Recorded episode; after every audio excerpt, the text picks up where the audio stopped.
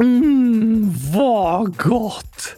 Du låter eh, mätt och lycklig, Oskar. Ja, tack. Jag mår fortfarande bra efter glassens dag. Ja, såklart. Vill du veta hur mycket glass jag åt? Visst. Tänk den största resväskan du har hemma. Ja, och så lägger du hundra sådana väskor på varandra i ett högt torn. Oj då. Och så lägger du dem högst upp på Eiffeltornet. Nej, sen flyttar du Eiffeltornet med resväskorna till toppen av Kilimanjaro.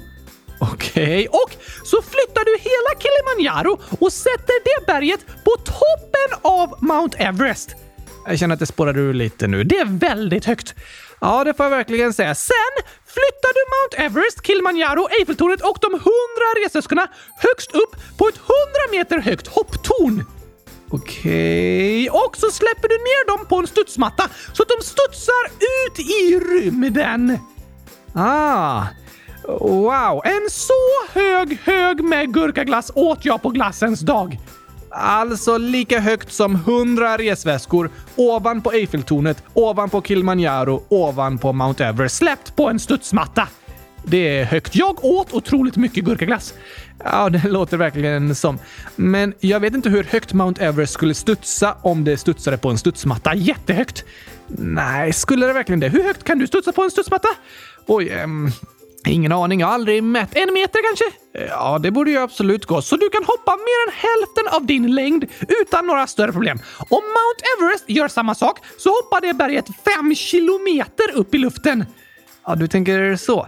Ja, Mount Everest är nästan 9 kilometer högt, så 5 kilometer känns ändå rimligt. Men Mount Everest kan inte hoppa studsmatta, det vet du inte.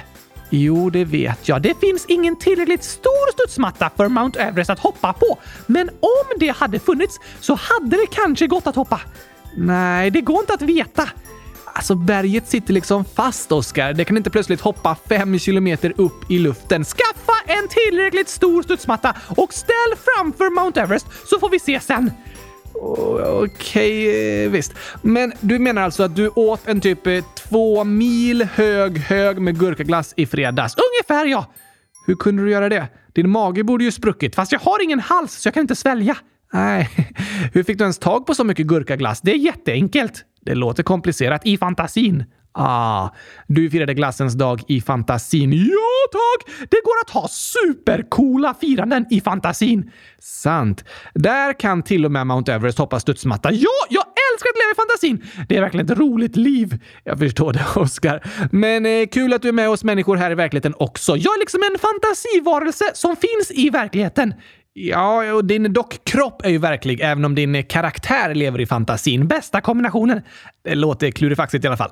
Men du, jag såg ett videoklipp häromdagen som hör ihop lite med glassens dag, okej? Okay? Det handlade om en person som har ditt drömjobb. Jobbar den som ett vandrande kylskåp? Är det ditt drömjobb? Äh, ja, tack! Nej, då menade jag ditt andra drömjobb. Vilket då? Glassmakare. Oh la la! Där snackar vi drömjobb! Det passar ju verkligen dig. Ja och nej! Varför inte? Jag älskar detta glass, men jag vill ju inte smaka på andra glassmaker än gurkaglass.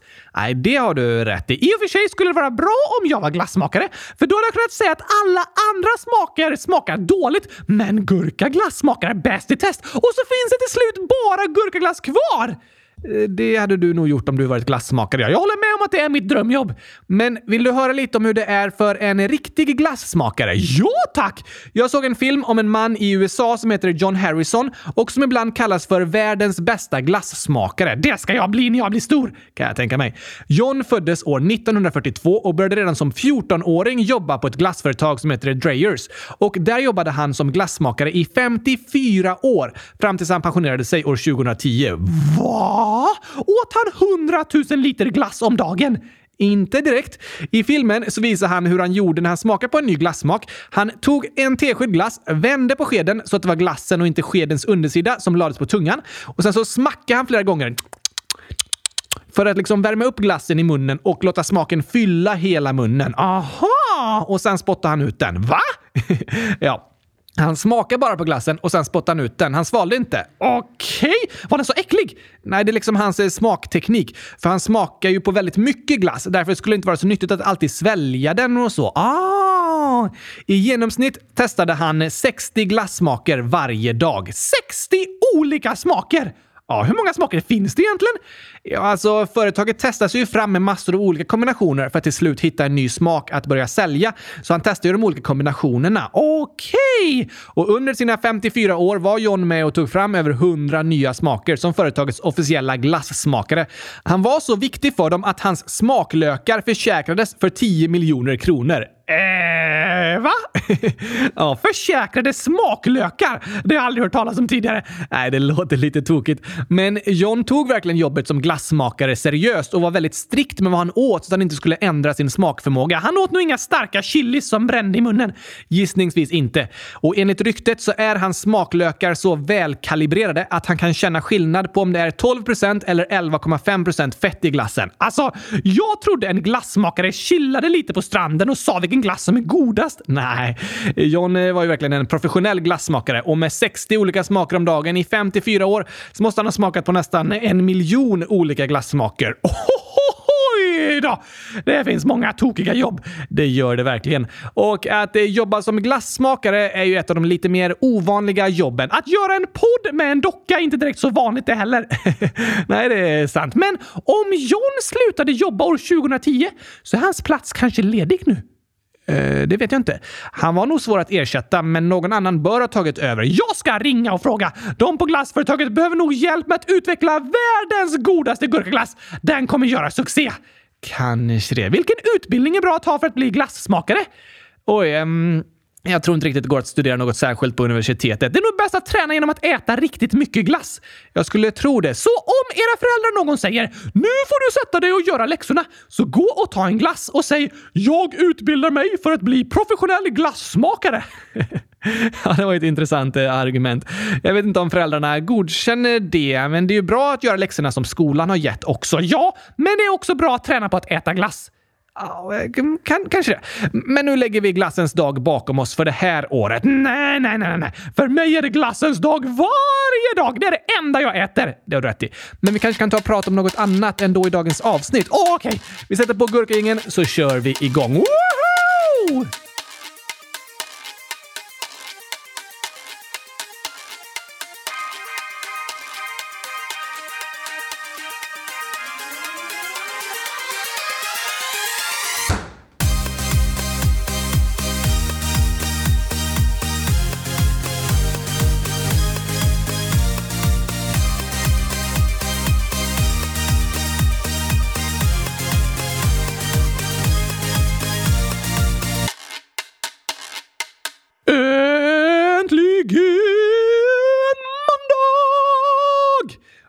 Äntligen avsnitt 100 348 av Kylskåpsradion. Den 27 mums! Just det. Årets tredje månad går mot sitt slut och sommaren är här. Nja, inte direkt, men det är sommartid i alla fall.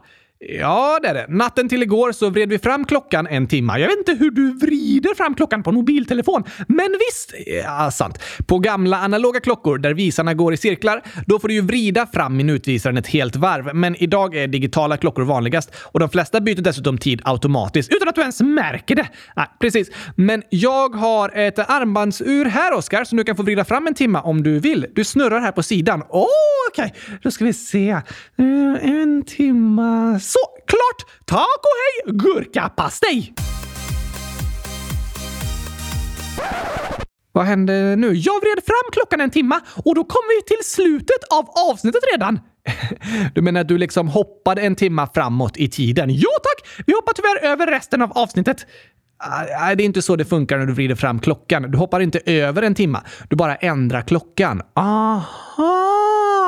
Så vi kan fortfarande spela in dagens avsnitt? Absolut. Skönt att höra. Men vad ska vi prata om idag då? Jo, vi har många inlägg på ett tema som jag tror de flesta lyssnare funderar på en hel del. Hur en odlar dundergurkor!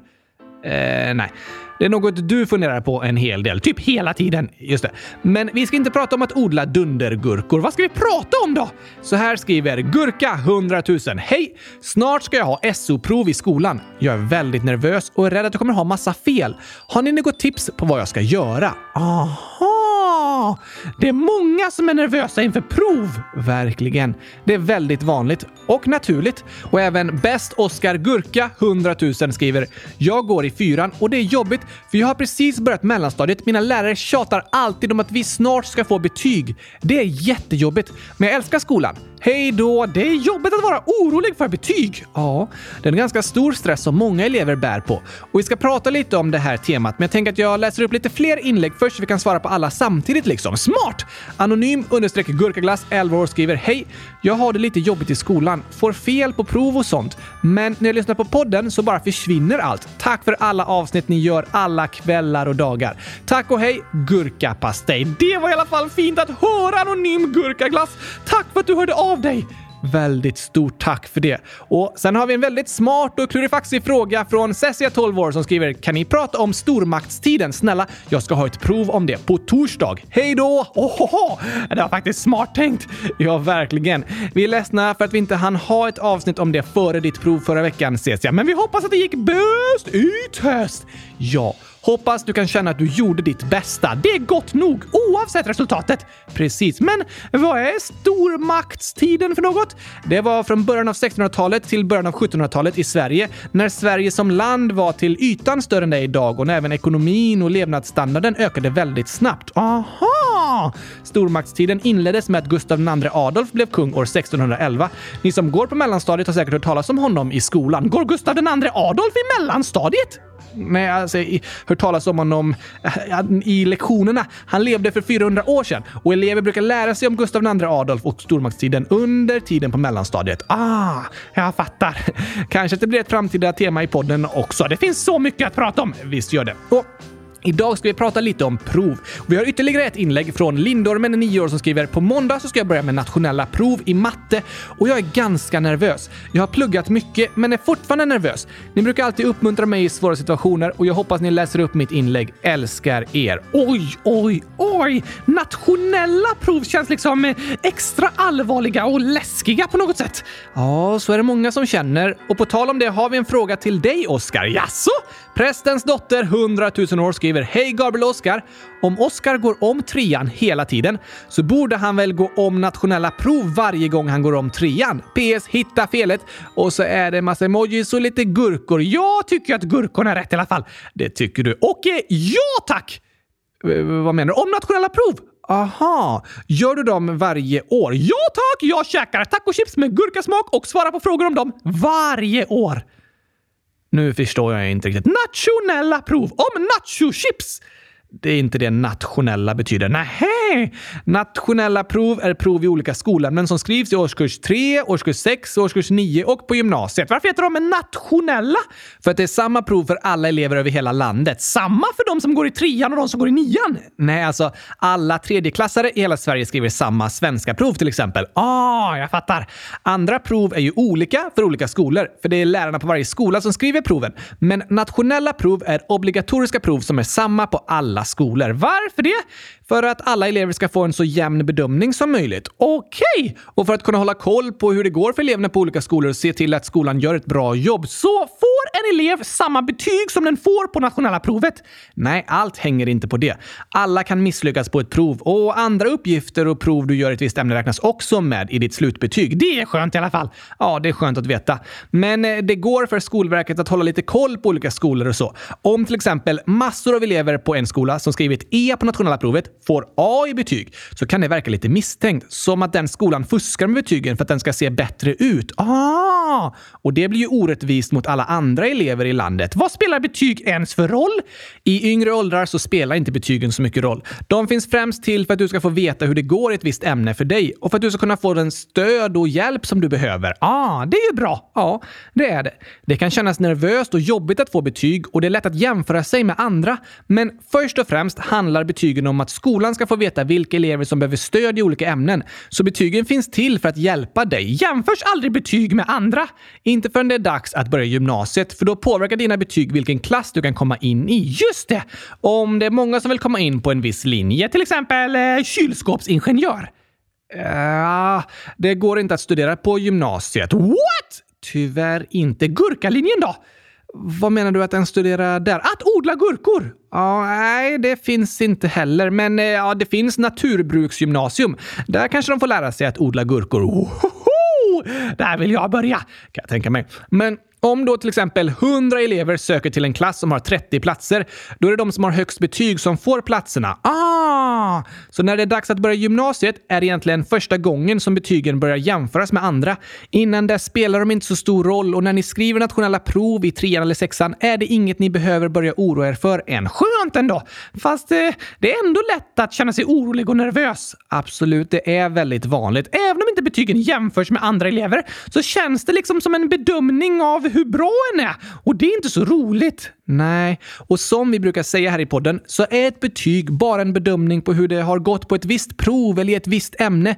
Ett betyg är inget mått på hur bra du är som person. Nej tack! För som människa har du alltid A plus, plus, plus, plus, plus, plus, plus, plus, plus, hundratusen plus i betyg. Exakt. Men om man ska skriva ett nationellt prov eller något annat viktigt prov, hur går det att tänka då? Har du några tips för att vara mindre nervös? Bra fråga, Oskar. Alla är vi ju olika och vi tar oss an prov på olika sätt, men det finns absolut vissa tips som kanske kan hjälpa. Vad då? För det första så kan det vara skönt att veta att det är naturligt att vara nervös. Det har du rätt i. Det är okej okay att vara nervös. Alla människor är vi nervösa ibland, men vissa är supernervösa inför ett prov, medan andra inte är alls så nervösa. Ja, det kan skilja från person till person, men nervositet är liksom ett alarm som går igång i hjärnan när vi är med om en fara. Ah! Om vi möter en varg i skogen så blir vi rädda, men den rädslan är en kroppslig funktion som ska få oss att fokusera och bli snabbare på fötterna för att kunna undvika faran. Precis, så hjärnan tror att ett nationellt prov är lika farligt som om vi möter ett lejon på savannen. på sätt och vis, ja. I våra moderna samhällen kan våra hjärnor misstolka en del situationer och vi kan vara väldigt rädda, oroliga och nervösa inför något som egentligen inte är en livsfara. Ett prov är läskigt, men det är ingen fråga om liv och död. Nej, det är det ju inte. Men det kan ändå vara skönt att veta att det är okej okay att vara nervös. Det är naturligt. Men när vi känner oro och nervositet så kan vi ifrågasätta våra känslor och tänka, är det en verklig livsfara eller är det ett falsklarm? Just det. Det har vi pratat om tidigare, för om du står vid ett stup är det ganska bra att du blir lite rädd och koncentrerad så att du inte ramlar ner. Det är faktiskt bra att vara rädd för höjder så att du inte tar farliga risker. Men ett prov är ingen livsfara, så då kan du berätta för din hjärna. Ja, det vore tråkigt att misslyckas på provet, men det är faktiskt ingen livsfara. Du behöver inte vara så orolig. Så kan en försöka tänka. Och tips två hör ihop med detta. Det handlar om att sätta det i perspektiv. Vad betyder det? Ska vi ta det som dagens ord kanske? Ja tack! Det var faktiskt länge sedan vi hade den musiken. Det var det. Här kommer den.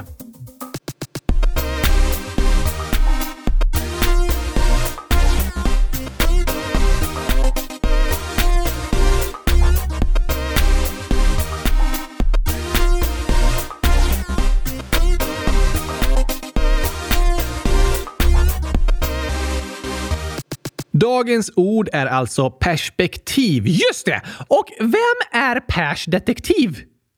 Vad sa du nu? Pers detektiv! Som ska berätta något för oss idag. Jag sa inte Pers detektiv, jag sa perspektiv. Är det en sammanslagning av de två orden? Nej, eh, det är det inte. Vad betyder det då? Perspektiv betyder hur vi ser på någonting. Okej? Okay. För från olika perspektiv så ser saker olika ut. Fast saker är väl alltid likadana? Ja, men de ändras beroende på vilket håll du kollar ifrån. Jag förstår inte riktigt. Ta en gurka till exempel. Vilket fantastiskt bra exempel! Om du kollar på en gurka från sidan så är den avlång. Ja tack! Men om du kollar på en gurka ovanifrån, då är den ju rund. Det har du rätt i! Rund som en gurkaskiva. Precis, så gurkan får olika former beroende på vilket håll jag kollar ifrån. Nej, gurkan har ju alltid samma form, men den ser olika ut beroende på ditt perspektiv. Ja, just det! Så vilket perspektiv vi har påverkar hur vi ser världen runt omkring oss, hur vi uppfattar saker. För det går att kolla på allting från olika håll, från olika perspektiv. Precis. Och olika människor har olika perspektiv och ser därför olika saker. Just det! Men sen så finns det även något som kallas att sätta saker i perspektiv. Ehm, du sätter fast något så det bara kan ses från ett håll? Nej, det är inte det det betyder. När du sätter något i perspektiv så handlar det om att du kollar på något från lite längre avstånd. Okej? Okay. Säg att du är ute och går på en väg och så plötsligt kommer det en stor elefant som blockerar vägen.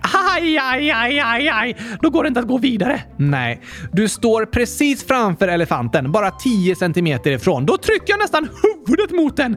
Just det. Och från så nära håll ser elefanten jättestor ut. Den är hög och den är bred och omöjlig att ta sig förbi. Ja tack! Den täcker nästan hela ditt synfält. Elefantens stora rumpa är allting jag ser. Den går inte att komma förbi. Nej, precis. Men om du tar 100 steg bakåt, då ser elefanten inte lika stor ut längre. Nej, såklart. Då är elefanten ganska liten för den är väldigt långt bort. Då har du satt elefanten i perspektiv. Aha! Jag ser en större bild liksom! Just det. Och då upptäcker du att elefanten blockerar ju vägen, men det är bara att gå runt elefanten. Du kan gå ut på gräset bredvid vägen. Den är stor, fast inte så stor att den inte går att gå runt. Nej, det är ju egentligen jätteenkelt att gå förbi elefanten. Och likadant kan det vara med prov och utmaningar, att de känns som stora elefanter. Ja, när vi står precis framför en stor utmaning, till exempel ett nationellt prov, då kan det kännas som att det är allting vi ser. Det kan vara som en stor elefant precis framför ögonen på oss. Den blockerar vägen och är omöjlig att ta sig förbi. Så kan det kännas. Det det är ett mega super duper stort problem som stressar oss väldigt mycket och som är omöjligt att lösa. Ah! Men då kan det vara skönt att sätta problemet i lite i perspektiv. Ta några steg bakåt och se hela savannen. Då är elefanten inte lika stor längre. Nej, då inser vi att den utmaningen som kändes som ett mega super duper stort problem, den är inte så stor som det kändes.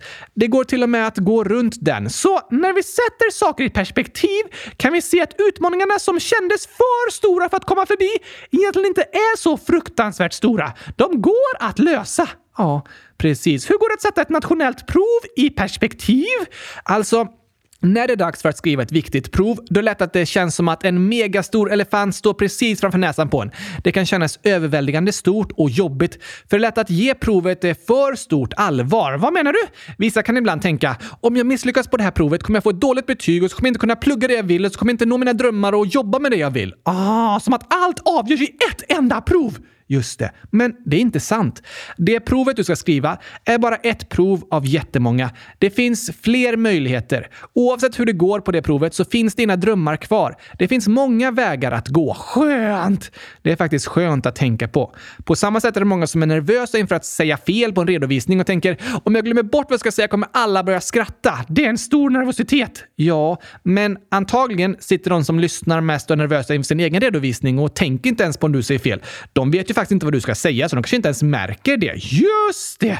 Det är lätt att vi förstorar saker i vår hjärna och tänker att om vi misslyckas på ett prov eller en redovisning eller en uttagning av något slag så är det kört. Men det är det inte. Det är en av många chanser. Precis framför en elefant så ser den gigantiskt stor ut. Det är det enda du ser. Men om du tar några steg bakåt så ser du att på hela savannen finns det hundratusen elefanter. Ja, det finns jättemånga chanser. Det kommer nya möjligheter.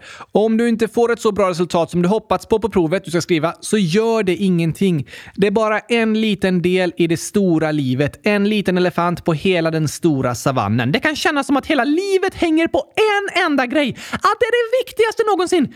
Men så är det faktiskt inte. Nej, det är skönt att sätta saker i lite perspektiv, för det kan göra att vi inte blir lika stressade och nervösa inför det vi ska göra. Det kommer fler chanser och fler möjligheter. Ja tack! Och ofta när vi tänker tillbaka på ett särskilt prov i efterhand kan vi tänka oj, var jag så stressad och nervös inför det där? Det var ju inte så farligt. Ja, ah, det känner jag igen. Så att sätta saker i perspektiv är tips nummer två. Ja, att inse att inte hela livet hänger på det här provet. Det är lätt att tänka så. Det är det. Så vi kan behöva träna på att sätta saker i perspektiv. Och ibland är det skönt att prata med någon annan om det den är nervös inför, för då kan den få hjälp att sätta sakerna i perspektiv. Sant! För i vår hjärna kan en utmaning växa sig jättestor. Vi tänker på allting som kan gå fel och alla möjliga hemska konsekvenser. Men sen när vi sätter ord på det och berättar för någon annan kanske vi känner att nej, nu när jag säger det så låter det faktiskt inte så troligt att det gurkamonstret skulle komma in i lektionssalen och prutta mig i ansiktet så att jag ramlar av stolen på ett så tokigt sätt att alla skrattar och sen så tappar jag minnet för att jag slår i golvet så jag svarar fel på alla frågor. Uh, nej, Nu när du säger det låter det faktiskt inte så troligt. Jag vet dock inte om någon av lyssnarna har oroat sig för just det där ska hända. Jag brukar oroa mig för det. Aha, förutom att tappa minnet. För det kan jag inte tappa, för jag har inget minne. Hashtag win! skönt för dig. Väldigt skönt. Att tappa minnet är dock en vanlig oro inför ett prov. Vad går det att göra då? Ett eh, ganska vanligt tips är att andas bra. Eh, va? Ja, ska jag blåsa lite på pappret jag skriver provet på och så skrivs svaret automatiskt av min andedräkt? Nej, jag menar inte så. Hur menar du då? Att när vi sätter oss och skriver ett prov så är det lätt att pulsen går upp och vi är nervösa och stressade. Ja, tack! Då kan vi bli lite lugnare av att eh, andas bra. Okej? Okay. Om du känner dig riktigt stressad och som att du nästan har panik inombords, försök att ta fem djupa andetag. Tänk att du liksom fyller magen med luft. Då får du ner luften ända ner i det som kallas eh, diafragman. Aha! För när vi är stressade så börjar vi ofta ta korta andetag med bröstkorgen. Och det gör att vi får in mindre syre och vi blir ännu mer stressade. En ond cirkel! Ja, det är det. Försök istället att ta det lite lugnt. Dra in luft genom näsan. Och andas djupt så att magen liksom blir större. Som en ballong! Ungefär. Det är faktiskt bra att träna på att ta djupa andetag. Det kan ni göra redan innan ett prov. Om ni sätter händerna på sidan av magen så kan ni försöka andas djupt så att ni känner med händerna att magen liksom blir större. Det hjälper att även andas med näsan, för det gör också att du andas lite långsammare än med munnen. Det låter jobbigt att sitta hela provet och tänka på hur jag andas också! Har jag inte nog med saker att tänka på? Jo, såklart Oskar. Men om du sitter på din stol på provet och känner dig riktigt stressad och att du börjar liksom ta korta andetag och pulsen går upp, då kan du ta fem djupa andetag. När du drar in luften med näsan och försöker få den hela vägen ner till magen. Det tar inte så lång tid, men det kan hjälpa dig att sänka pulsen och att stressen minskar lite. Då är det lättare att skriva provet. Ja, det är jobbigt att skriva prov när man är väldigt stressad. Då är det svårt att tänka klart och koncentrera sig. Så du kan testa att ta ett par djupa andetag i början och sen så behöver du inte tänka mer på hur du andas. Det går ju automatiskt. Sant! Ibland när vi läser en svår fråga på ett prov så kan vi få panik. Den känns omöjlig. Ja, tack! Men då kan vi ta några djupa andetag, läsa den i lugn och ro och tänka oh, Vad frågar de efter? Vad vet jag om det de frågar efter? Hur kan jag använda det jag vet för att svara på det de frågar efter? Och så skriver du det du kan. Smart! Så några tips inför ett prov är 1. Det är naturligt att vara nervös, men berätta för din hjärna att det inte är någon livsfara. Just det. 2. Sätt provet i perspektiv. Det kan kännas stort och omöjligt, men om du tittar från en lite längre avstånd så ser elefanten inte så stor ut. Du ser att den bara är en av hundratusen elefanter. Det kan kännas som att allt hänger på det här provet, men det kommer alltid fler chanser. Det är skönt att påminna sig om. Tips nummer tre. Ta några djupa andetag som går hela vägen ner till magen så kan stressen minska. Det är ett bra tips när en väl är på plats på provet. Nummer fyra. Få inte panik första gången du läser en fråga. Läs igen och fundera på vad de frågar om och vad du vet om det de frågar om. Just det. Och tips nummer fem. Oavsett hur det går på provet så är du bäst i test. Ett betyg i skolan är bara ett betyg på hur du har gått på ett särskilt prov eller ett särskilt ämne. Som person har du betyget A plus plus plus plus plus 100 000 plus. Det är skönt att veta. Ditt betyg på ett prov har inget att göra med hur bra du är som människa. Nej tack! Alltså, det är många som är nervösa inför nationella proven och andra prov, men det är faktiskt lite skönt att prata om dem. Jag håller med. När vi är nervösa och oroliga är det skönt att prata om det vi känner med någon annan. Just det! Och det var tips nummer sex! Att sätta ord på dina känslor. För i hjärnan kan tankarna och oron nästan spåra ur. Du tänker att det kommer ett gurkamonster! Eh, men då kan det vara skönt att få prata om det med någon annan. Precis, för antagligen är det inte så stor chans att ett gurkamonster kommer in i klassrummet och pruttar dig i ansiktet. Nej, det är inte så stor chans. Skönt faktiskt. Och jag insåg det när jag berättade om det högt. Tack för tipsen, Gabriel! Ja, eh, tack själv, Oskar. Det var väldigt bra sammanfattat. Nu tycker jag vi går vidare med lite skämt. Låter fint.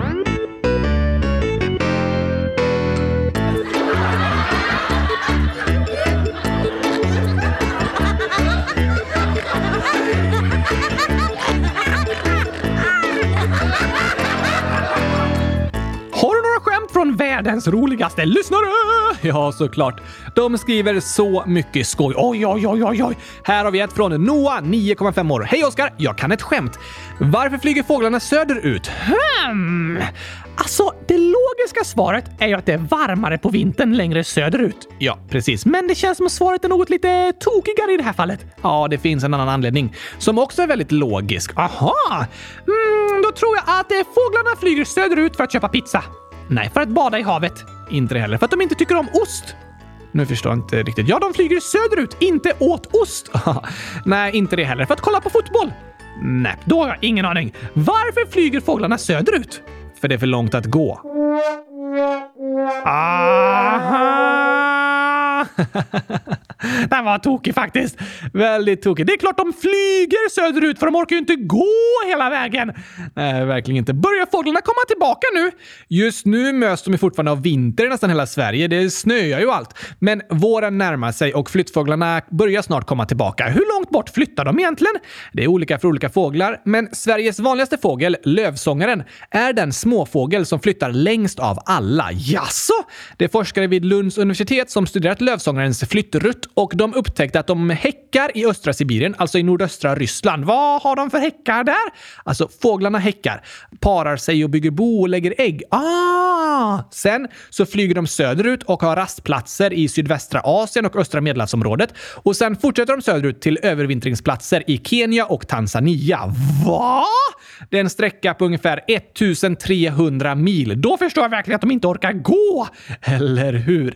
Det är väldigt långt att flyga varje år, särskilt för en så liten fågel. Lövsångaren väger bara 10 gram. 10 gram! Det är inte mycket. Om jag bara hade vägt 10 gram hade jag också kunnat flyga. Ja, det vet jag inte, men jag förstår vad du menar. Det är ju lättare för ett par vingar att få en fågel som bara väger 10 gram att lyfta från marken än en människa som väger 70 000 gram. Lite skillnad faktiskt. Ja, fler skämt! Majken skriver Hej! Jag heter Majken och jag är Maurits storasyster. Vi brukar lyssna på kylskåpsradion innan vi ska sova. Gillar Oskar katter? Jag älskar katter. Jag älskar också katter. De är väldigt tokiga. Du har ju dragit många kattskämt här i podden och samlat många av dem i en sång. Kan vi lyssna på den då? Visst, det kan vi göra. Yay! Men sen skriver Majken. En gåta till Oskar. Vem är det som går på simskolan? Går på simskolan? Um, inte lövsångaren. Nej, den behöver inte lära sig simma. Nej tack! Men vem kan det vara då? Mm, kanske hajbebisen? Den kan nog redan simma. Den behöver inte vara rädd för att drunkna i alla fall eftersom den kan andas under vattnet. Ja, sant. Hajar har gälar så de behöver inte lära sig hålla sig över ytan. Då kommer jag inte på något svar. Hmm, vem är det som går på simskolan? Ingen, för man kan inte gå på simskolan, skriver Michael. Nej, det är ju sant! Man kan ju simma på simskolan, inte gå! Precis, det var tokigt Majken. Verkligen. Det står även också till Oskar, hitta felet och så är det massor av choklademojis och en gurka-emoji. PS har hittat på gåtan själv. Va? Den var ju supertokig och rolig! Verkligen. Vilket roligt skämt Majken. Och jag tycker ju det är alla choklademojis som är fel, för jag vill hellre äta gurka. Men i det här sammanhanget så är det ju gurkan som sticker ut, så det verkar som att det är den du menar. Jag skulle gissa det, men jag väljer ändå att äta gurka-emojin. Um. Väldigt god faktiskt. Gör du så, Oskar? Jag kan smaska på den medan du läser ett till skämt. Eh, visst. Gurka kylskåp 8, snart 9 år, skriver “Här kommer ett skämt från min handdocka Ket. Det var två bananer som gick till affären. Den bananen som handlade hoppade över disken. Då sa han som satt bakom disken “Vad omogen du är!” PS ni är bäst. Love. Omogen! Det var en grön banan som betedde sig omoget. Det var det nog. Väldigt tokigt skämt. Gurka kylskåp. Ja, det är tokigt med ord som betyder flera olika saker. Som omogen och omogen. Fast det betyder ändå samma sak. Fast ändå inte. Ja, det är sant. Är gurkor gröna för att de är omogna?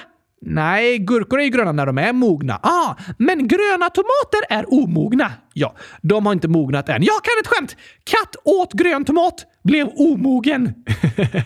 Ännu ett kattskämt. Det finns många skojiga sådana. Ja, tack! Och nu kommer hela sången Kattastrofer med massor av dem. Det låter fint.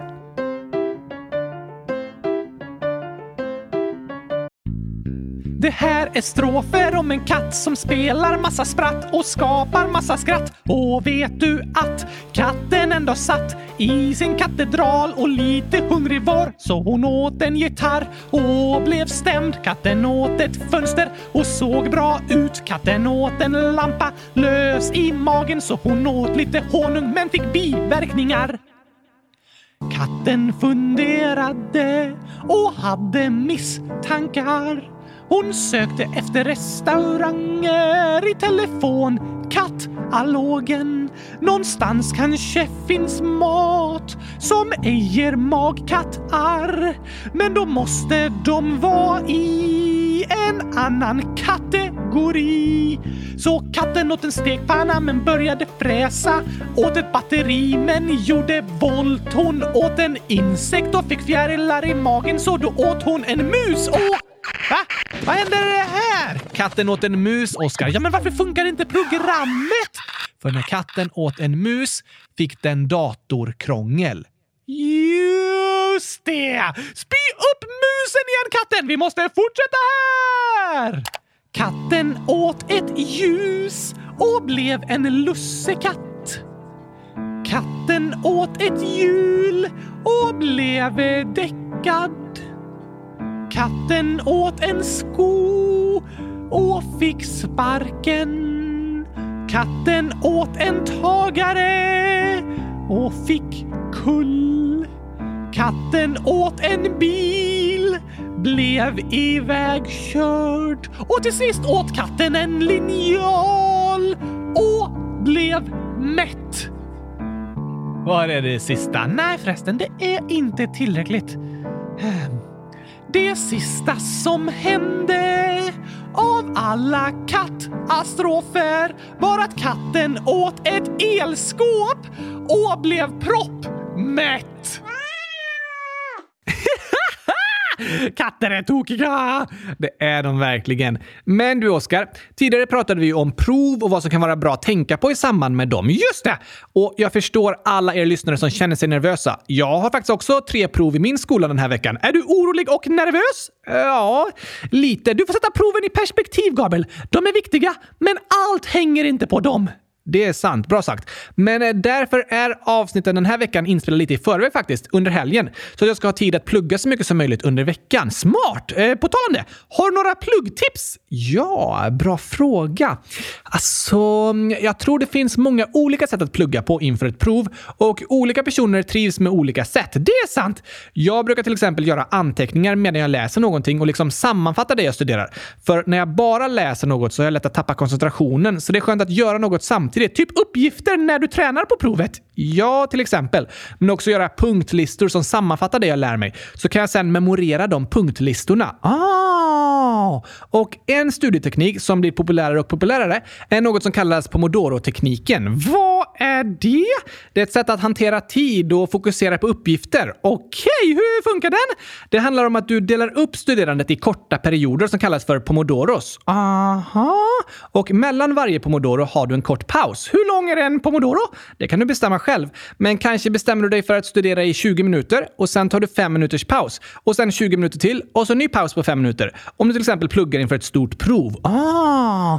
Då kan du innan du startar pomodoron komma fram till vad du vill göra under den första pomodoron. Vadå till exempel? Kanske har du en bok du ska läsa och så bestämmer du dig för under den första pomodoron ska jag läsa 10 sidor. Sen sätter du ett alarm på 20 minuter och så koncentrerar du dig på läsningen i de 20 minuterna. Sen ringer alarmet och då tar du en paus på fem minuter. Kanske sträcker lite på kroppen eller pratar med en kompis och sen kommer du fram till vad du vill göra på nästa pomodoro, till exempel lösa fem mattetal. Och så sätter du ett alarm på 20 minuter och så koncentrerar du dig tills alarmet ringer och sen tar du en paus igen. Ah, smart! Ja, det är en väldigt populär teknik. I olika åldrar så har ju en olika långa läxor. Men för er lite äldre som kanske behöver plugga i flera timmar inför ett prov så kan det vara skönt att dela upp pluggandet i kortare perioder. Kanske är det jobbigt att tänka “Ah, nu ska jag plugga i en hel timma” Men om du delar upp det i kortare perioder och tänker först gör jag 15 minuter, sen tar jag en kort paus, sen 15 minuter till. Då kan det vara lättare att fokusera koncentrerat just de 15 minuterna. Just det! Det finns även många mobilappar som hjälper till med pomodoros. Till exempel en populär app som heter Focus Plant. Då ställer du in en pomodoro på mobilen, till exempel 20 minuter. Och när du startar den så kan du inte använda mobilen till andra saker. Ah, så den hjälper dig att fokusera? Ja. Och när du är klar med de 20 minuterna så går ett alarm och då så får du liksom vatten i appen att använda till att plantera blommor i appen. Så pluggandet blir lite som ett spel, ungefär. Appen hjälper dig att fokusera och inte störas av mobilen medan du pluggar, samtidigt som du får belöningar nästan som ett spel efter att du koncentrerade dig. Smart! Ja, appen Focus Plant är ett tips, särskilt till er lite äldre lyssnare som har mycket att plugga inför stora prov. Och för alla kan det vara skönt att dela upp läxorna och provplugget i små delar med små pauser emellan. Då kan det vara lättare att fokusera och koncentrera sig på en del i taget. Det är smart! Sen kan det också vara skönt att plugga tillsammans med någon annan. Att prata om det ni lär er och förklara för varandra. Det är ett bra sätt att lära sig på. Verkligen. För när vi förklarar någonting så lär vi oss det samtidigt som vi förklarar. Vi vill säga Stort lycka till till alla er som ska skriva prov i skolan! Stort lycka till till er och till er som har olika sorters läxor att ta er igenom. Ja, lycka till allihopa. Om ni inte har prov just nu så kan ni lyssna på det här avsnittet igen när provet närmar sig. Det är sant. Hoppas ni känner att det fanns något hjälpsamt tips idag. De flesta lyssnare går i skolan och de flesta känner nog igen sig i stressen och oron inför prov och betyg. Ja, det är det många av er som skriver och berättar om. Tack till alla er som har hört av sig och som berättar om hur ni har det. Det ni känner är viktigt. Verkligen. Och med de orden ska vi avsluta för idag. Men först några födelsedagshälsningar! Såklart. Vi har fått ett meddelande där det står Hej! Jag heter Hedvig och fyller nio år på måndag 27 i tredje. Kan ni gratta mig och hälsa till mig och min lillebror Walter? Han hittade er på när vi letade efter dinosaurieprogram och nu har vi lyssnat på er varje vecka. Ni är superbra och vi älskar era program. Woho! Gratis på födelsedagen Hedvig! Stort grattis på din nioårsdag. Det är fantastiskt att vara nio år. Du kommer älska det! Det hoppas vi. Och vad roligt att höra att du och Walter hittat kylskåpsradion. Hej, hej Walter! Via dinosaurieavsnittet också. Det var ett väldigt bra avsnitt. Ja, jag vet det är många av er lyssnare som älskar dinosaurier. Men det var även roligt att höra att ni hittade podden på grund av det avsnittet. Ja, ja, ja, ja, ja, tack! Ha det bäst i test Hedvig och Walter. Hör gärna av er igen. Gör gärna det. Sen skriver Lilly, 9, snart 10 år. Jag fyller 10 år den 27 mars. Det ska bli så spännande och roligt. Kan ni gratta mig då? Hoppas att mitt inlägg blir bra och så massa partyhattar. Ja, ja, ja, ja, ja, tack! Såklart kan vi det! Grattis på födelsedagen Lilly! 10 år idag! Fantastiskt! Jag hoppas du får en gurkaglasstårta som är lika hög som 100 resväskor ovanpå Eiffeltornet, ovanpå Kilimanjaro, ovanpå Mount Everest som hoppar studsmatta. Just det. Eller du får äta något annat gott som du tycker om. Vi hoppas du får en dag med mycket skratt och glädje, Lilly. Ja, tack! Och Maria, 38 år, skriver “Mina söner älskar din podd och vi lyssnar på ett avsnitt var och varannan kväll. Nu fyller min äldsta son Linus 9 år den 27 mars. Jag undrar därför om du, Oskar, skulle kunna skicka cirka 100 000 grattishälsningar till honom. PS. Du gör ett superbra jobb med podden. Det vill vi mer än gärna göra! Självklart. 100 000 grattis på nioårsdagen Linus! Hoppas du får världens bästa födelsedag och att de vandrande kylskåpen sjunger vackert och gratulerar dig ordentligt. De och de andra i familjen, just det! Och kommer med en gurkatårta till dig. Kanske det. Eller något annat gott. Ja, tack! Ha det bäst i test, Linus. Och till sist skriver även Jonathan, 9 år. Hur lång tid innan man rör mycket på sig ska man äta? Vad säger forskningen om det? Bra fråga! Väldigt bra fråga och det skiljer sig från person till person. Alla trivs med lite olika saker. Ja, precis. Men generellt är det bra att inte äta mycket mat precis innan man rör mycket på sig. Okej? Okay. Om du äter ett stort mål mat ska det gärna vara flera timmar före. Två, tre eller till och med fyra timmar. Då får kroppen tid att bryta ner maten. Men sen är det bra med ett mellanmål typ en timme före träningen. Aha! Men om en spelar fotboll på lunchrasten precis efter maten då? Ja, det är såklart inga problem. Och särskilt som barn gör inte det här så stor skillnad. Ät när du kan äta och rör på dig när du kan röra på dig. Det är det viktigaste. Det är inget farligt att äta och sen röra på sig. Det är helt okej. Okay. Det som är viktigt är att du faktiskt äter och dricker när du rör på dig. Just det! För annars får inte kroppen i sig den energi och vätska som du behöver. Så kom ihåg att dricka när du springer mycket. Sant! Så dagens lärdom. Ät mycket gurkglass om du rör mycket på dig. Ja, fast det var inte det jag sa. Nej, men det var det jag hörde. Okej. Okay. Sen skriver Jonathan. Jag skriver att jag fyller 10 den 28 mars, så jag kommer byta namn till Jonathan 10 år. Snälla gratta mig på måndagen! Hur många gurkor? Du måste räkna för hand. Låt Oskar äta dem. Hoppas de är goda. Och så är det 247 gurkor. Jag äter dem allihopa! Mm. Okej. Okay. Sen skriver Jonathan. Du åt choklad. What? Det var choklademojis gömda bland gurkorna. Du skojar! Nej, tur att inte emojis smakar något. Ja, det är tur för dig. Men Tusen grattis på tioårsdagen Jonathan! Det önskar vi dig. Det är underbart att fylla tio år. Det har jag gjort många gånger. ja, men imorgon är enda gången som Jonathan fyller tio år. Va? Ni människor är tokiga. Jag tycker snarare att det är du som är lite tokig, Oskar, som fyller tio år flera gånger. Sant! Men vi önskar dig världens bästa födelsedag, Jonathan, och världens största gurkaglasstårta. Såklart. Och vi önskar alla lyssnare världens bästa vecka. Det gör vi. Lycka till på alla prov och med alla läxor och sånt. Stort, stort, stort lycka till. Sätt det i perspektiv. Ha det bra. Ni är bäst i test hur det än går. Kom ihåg det. Så hörs vi igen på torsdag. Woho! Tack och hej! Gurkapastej! Hej då!